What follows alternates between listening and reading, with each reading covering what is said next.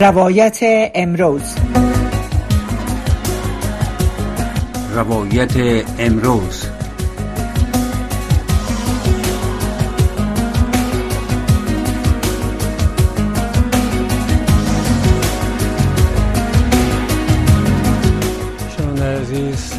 همونطور که گفتم برنامه ما ادامه داره. برنامه فیلی ما برنامه روایت امروز است که جناب محمد احمدی همکارم میزبان هستن. من از شما خدافزی می‌کنم سلام بیننده گرامی خوش آمدین به برنامه امروز. برنامه روایت امروز که در خدمت شما است با بحث امروز. قسمی که شما اطلاع دارین هفته گذشته وزارت خارجه طالبان اعلام کرد که سرپرست این وزارت در دیدارش با سفیران و دیپلمات های برخی کشورها در کابل گفته که با گماشته شدن نماینده ویژه نماینده سرمنشی عمومی ملل متحد برای افغانستان بار دیگر مخالفت کرده است. البته یادآور میشیم که در برنامه امروز این موضوع را با یک تحلیلگر سیاسی که دیپلمات پیشین افغانستان نیز هستند بحث می‌کنیم. آقای قوس باز دیپلمات پیشین در برنامه دعوتشان کردیم. تا با ما همراه باشند. البته برای اطلاع بیشتر شما یادآور میشیم که شورای امنیت سازمان ملل متحد به تاریخ 29 دسامبر قطعنامه ای را در مورد نحوه به اصطلاح افزایش تعامل با افغانستان و رهبران طالبان. و تعیین یک نماینده ویژه برای افغانستان تصویب کرد که هر چه زودتر باید این نماینده تعیین شود. شورای امنیت سازمان ملل متحد منشی عمومی این سازمان را ازش خواسته که تا نماینده ویژه را برای ترویج توصیه های فریدون سنرلی به ویژه در مورد جنسیت و حقوق بشر معرفی بکند. با خود آقای قوس جانباز را کوشش می‌کنیم تا دقایق بعد داشته باشیم و بعد از او کوشش می‌کنیم که در مورد این موضوع پرسش های را داشته باشیم. البته خدمت شما یک بار دیگر یادآور میشم که پیش از این که ما آقای جانباز را بگیریم. توجه بفرمایید به بحثی پروسر برنامه اشاره می‌کنن به بعضی از خبرهای افغانستان جهان که خدمت شما تقدیم میشه و بعد از او می‌پردازیم به بحث امشب با آقای غوث جانباز تحلیلگر مسائل سیاسی. شنوندگان عزیز سلام. شب همه شما بخیر. حفیظ آصفی هستم. توجه کنین به خبرهای این ساعت.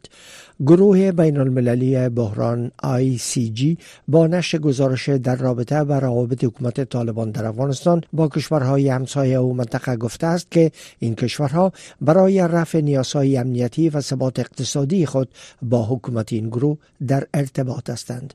این گروه روز سه شنبه سیوم ماه جنوری در گزارش تفصیلی به موضوعات چون تلاش طالبان برای به رسمیت شناخته شدن حکومتشان امنیت منطقه‌ای تهدیدهای ناشی از فعالیت داعش تحریک طالبان پاکستان و سایر گروه های تروریستی و کشورهای منطقه و تاثیر آغاز برخ پروژه انکشافی توسط حکومت طالبان پرداخته است. بر اساس این گزارش از آنجایی که اکثر کشورهای جان به دلیل نقص حقوق زنان و دختران توسط طالبان از گسترش روابط با حکومت این گروه خودداری می کنند کشورهای اطراف افغانستان در تلاشند تا برای رفع نیازهای امنیتی و ثبات اقتصادیشان با این گروه در تماس باشند. در این گزارش گروه بین المللی بحران بر اساس تعریف طالبان منطقه به معنای همسایگان افغانستان چین ترکیه روسیه هند و کشورهای حوزه خلیج فارس شاملند.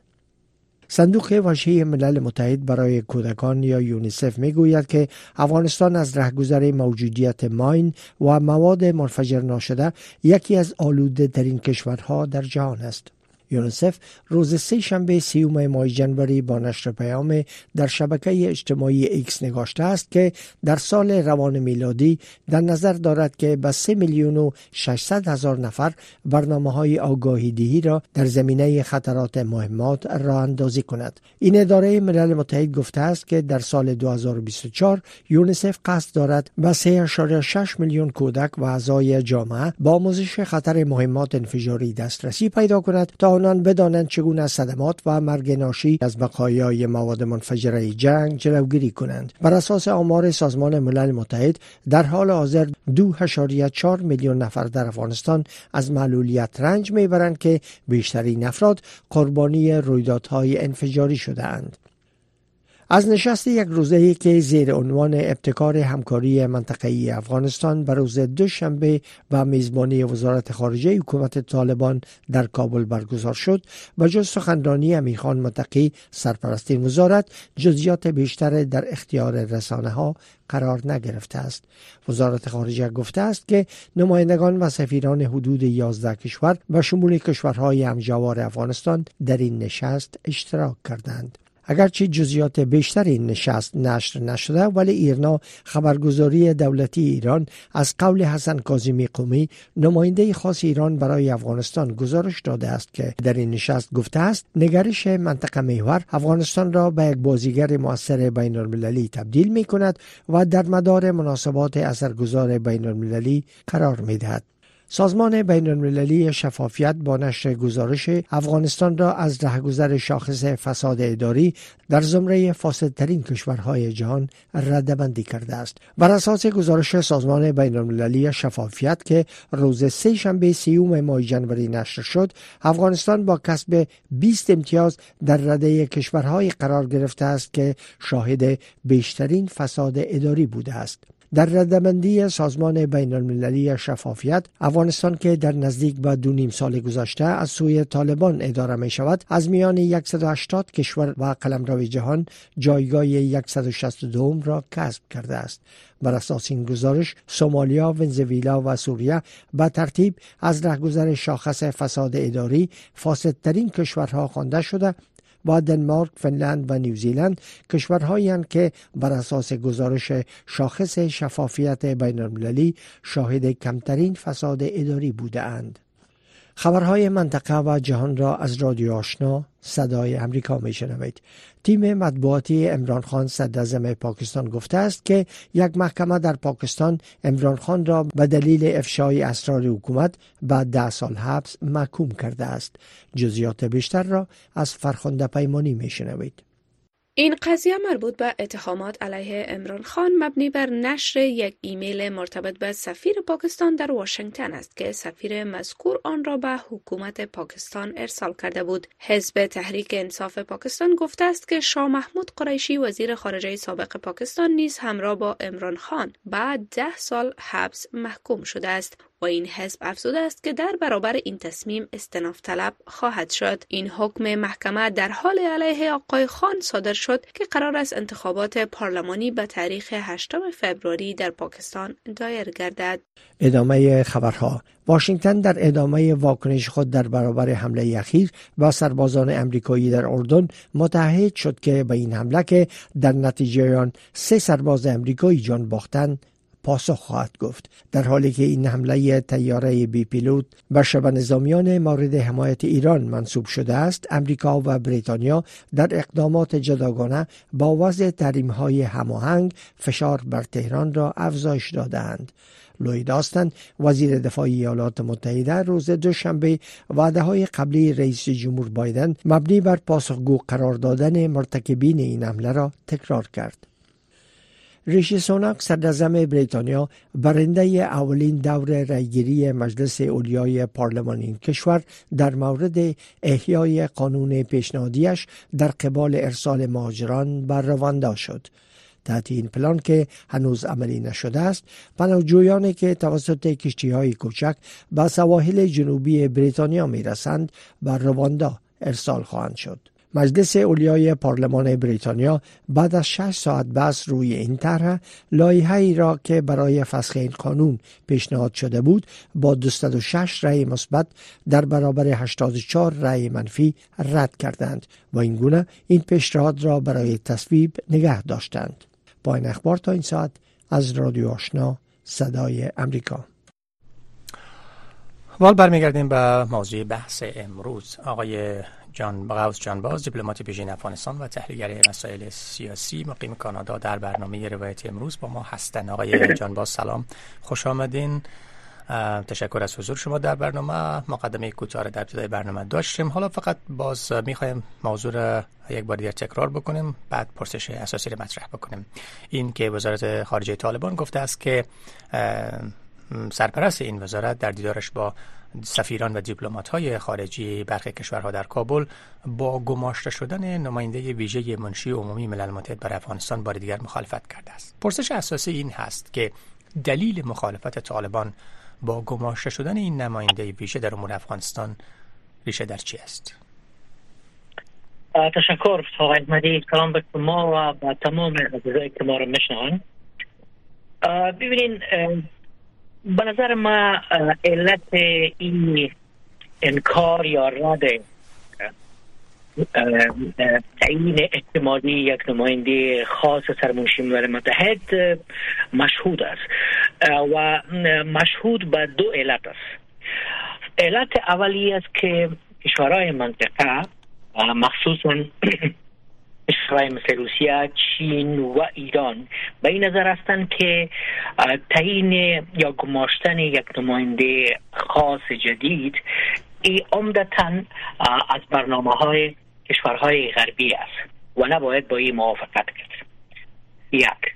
دوم به طالبا همچنان به ترتیب گرسد شده که با این موافقت نکنند. و به طالبا ای هم افزوده شده که هرگاه شما با تعیین همچون یک آجندایی که منطقوی نیست و ای آدم عمدتا برنامه های اتحادیه اروپا و کشورهای غربی را در منطقه پیش خواد برد و در اطراف افغانستان پیش خواد برد در حقیقت ای به معنی ازی است که حکومت طالبانی در افغانستان شکست خورده. و اشاره می‌کنن و مخصوصا به اظهارات یک تعداد از نماینده ها و دیپلمات های برجسته کشورهای غربی. به شمول اظهارات اخیر تام وست که در مصاحبه اخیر خود اشاره کرده بود که روز اتنبایو نماینده فعالیت های دفتر سازمان ملل متحد در کابل این خانم عمدتا مصروف برنامه های ملل متحد داخل افغانستان خواهد بود و بیشتر جنبه بشری خواهد داشت. در که نماینده خاص سرمنشی ملل متحد بیشتر در خارج از کشور حضور خواهد داشت. وقتا با فوقتا به کابل سر خواهد زد زد و عمدتا صلاحیت ازیر خواهد داشت که با مقامات بین‌المللی با رؤسای دولت با وزرای خارجه با نماینده خاص کشورها در رابطه با افغانستان دیدار بکنه و یک فرمول جدیدی را طرح بکنه که در پایان از یا در پای از اون افغانستان به یک به اتو یک مرحله برسه که ظرفیت و قابلیت به رسمیت شناختن داشته باشه. یعنی در حقیقت برنامه طالب کاملا بر هم می‌خوره با پذیرفتن تعیین یا گماشتن یک نماینده خاصی. در حقیقت ناکامی پروژه را که طالب می‌خواست افغانستان تطبیق بکنه به این است. و طالبا این یک مداخله در امور داخلی طالبا به نام افغانستان میگن. خب اگرچه به مداخله در امور خودشان است. به این ترتیبی را قلمداد می‌کنن و مخالفتشان عمدتا به مسائل نخفته است. به نظر شما کشورهای همسایه و منطقه افغانستان. در ارتباط به این گماشتن نماینده جدید چه نظر دارن؟ آیا همسو با طالبان هستند یعنی اینکه همین یون ما کافی است و نماینده ویژه لازم نیست.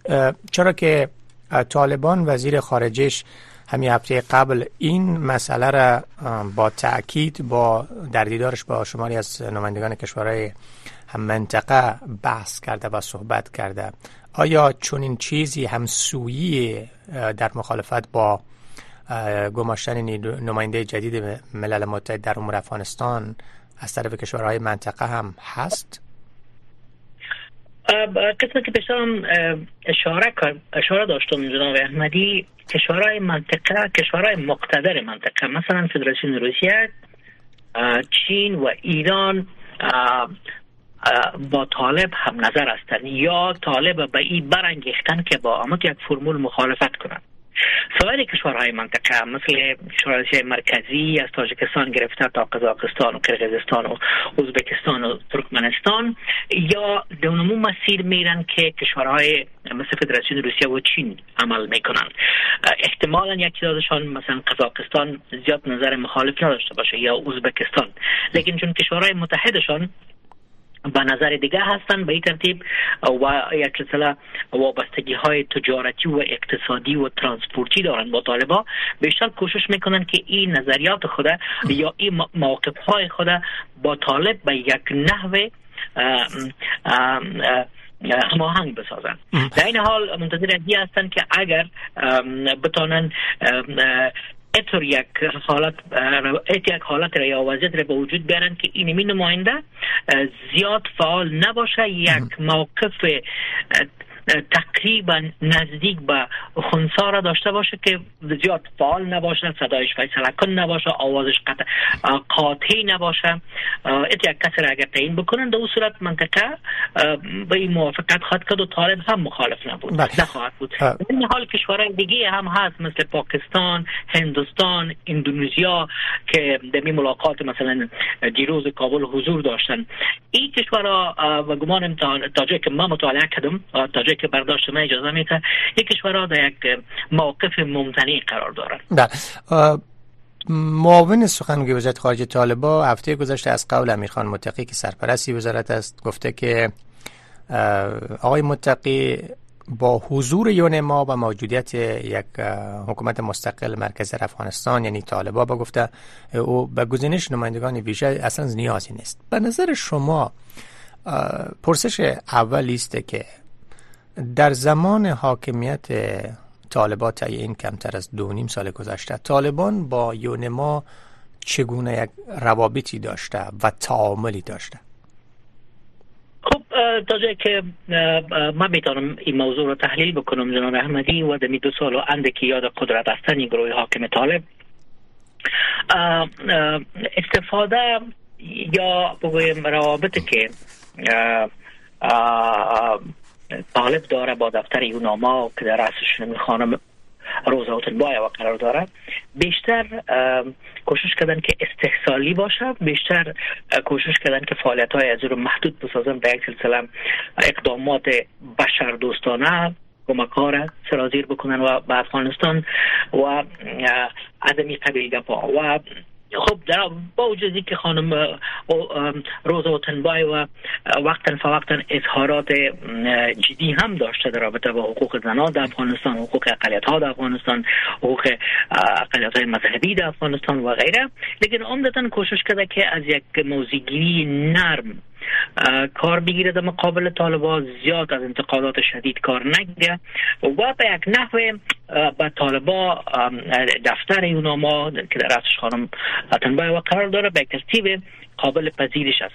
حال اگر موضوع میره به طرف از که یک نماینده خاص این شود ای طالبا این یک ضربه به حکومت خود می‌بینن یک تهدید بالقوه به حکومت که ایجاد کردن به نام حکومت امارتی طالبانی بر از یک خطر می‌بینن.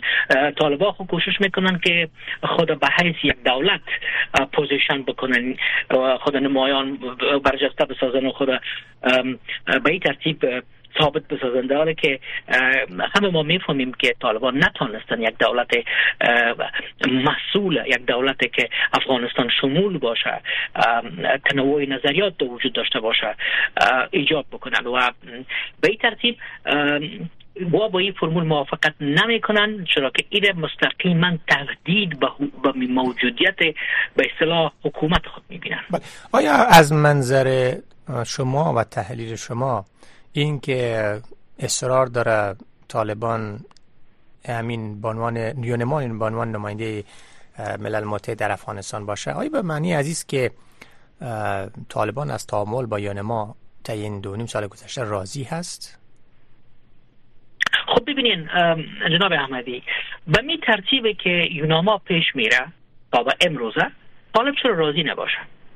خب ما می‌بینیم که مثل که بیشتر گفتم استفاده طالب یا یا تو دقیقتر بگویم روش طالب در مقابل دفتر یوناما بیشتر استحصالی است. یعنی بیشتر از استفاده می‌کنن برای تبلیغات پوزیشن خود موقفگیری های خود. و وظیفه وظیفه و هدف دفتر یوناما را بذل کمک های بشر دوستانه به افغانستان میدارند. و کوشش می‌کنن که به هر ترتیبی که شده طالبا چیز امی ببخشن دفتر یوناما را یک یک انزوا و تجرید عمومی از حالات افغانستان قرار بدن. البته که کار ممکن نیست چرا که دفتر یوناما اشخاص مسلکی کار می‌کنن دیپلمات ها هستن آگاه هستن می‌فهمن که مسائل چه قسم پیش میره در افغانستان. لیکن روی هم رفته تحت فشار روزافزون طالبا قرار دارن وقتا فوقتا اونا رو انتقادات شدید هم کردن و کش می‌کنن که دمو یک انزوای بشر دوستانه واره قرار بودن که کمک های بشری به افغانستان به اصطلاح از مراجع مختلف جلب بکنن. به نظر شما اگر این نماینده جدید گماشته شود و کار خود آغاز بکنه در واقع عملی. به نظرتان اون وقت طالبان چگونه تعامل خواهد کرد؟ آیا فکر می‌کنین که درهای افغانستان بسته می‌کنن اجازه ورود نمیتن اجازه ملاقات نمیتن یا فکر می‌کنین به نحوی تمکین خواهند کرد در پذیرفتن و یا فعالیت این نماینده در امور افغانستان؟ حرفی جاز جناب احمدی که تعیین و مخصوصا باز گسیل یا فرستادن این نماینده خاص چگونه صورت می‌گیره؟ تحت کدام شرایط در چارچوب کدام شرایط صورت می‌گیره؟ به نظر ما قسم نماینده ها از طرف شورای امنیت سازمان متحد باید که تصویب شود. و در اگر بالفرض که دو عضو شورای امنیت سازمان متحد که فدراسیون روسیه و جمهوری مردم چین باشه مخالف باشن یا این نماینده تعیینش تصویب نمیشه.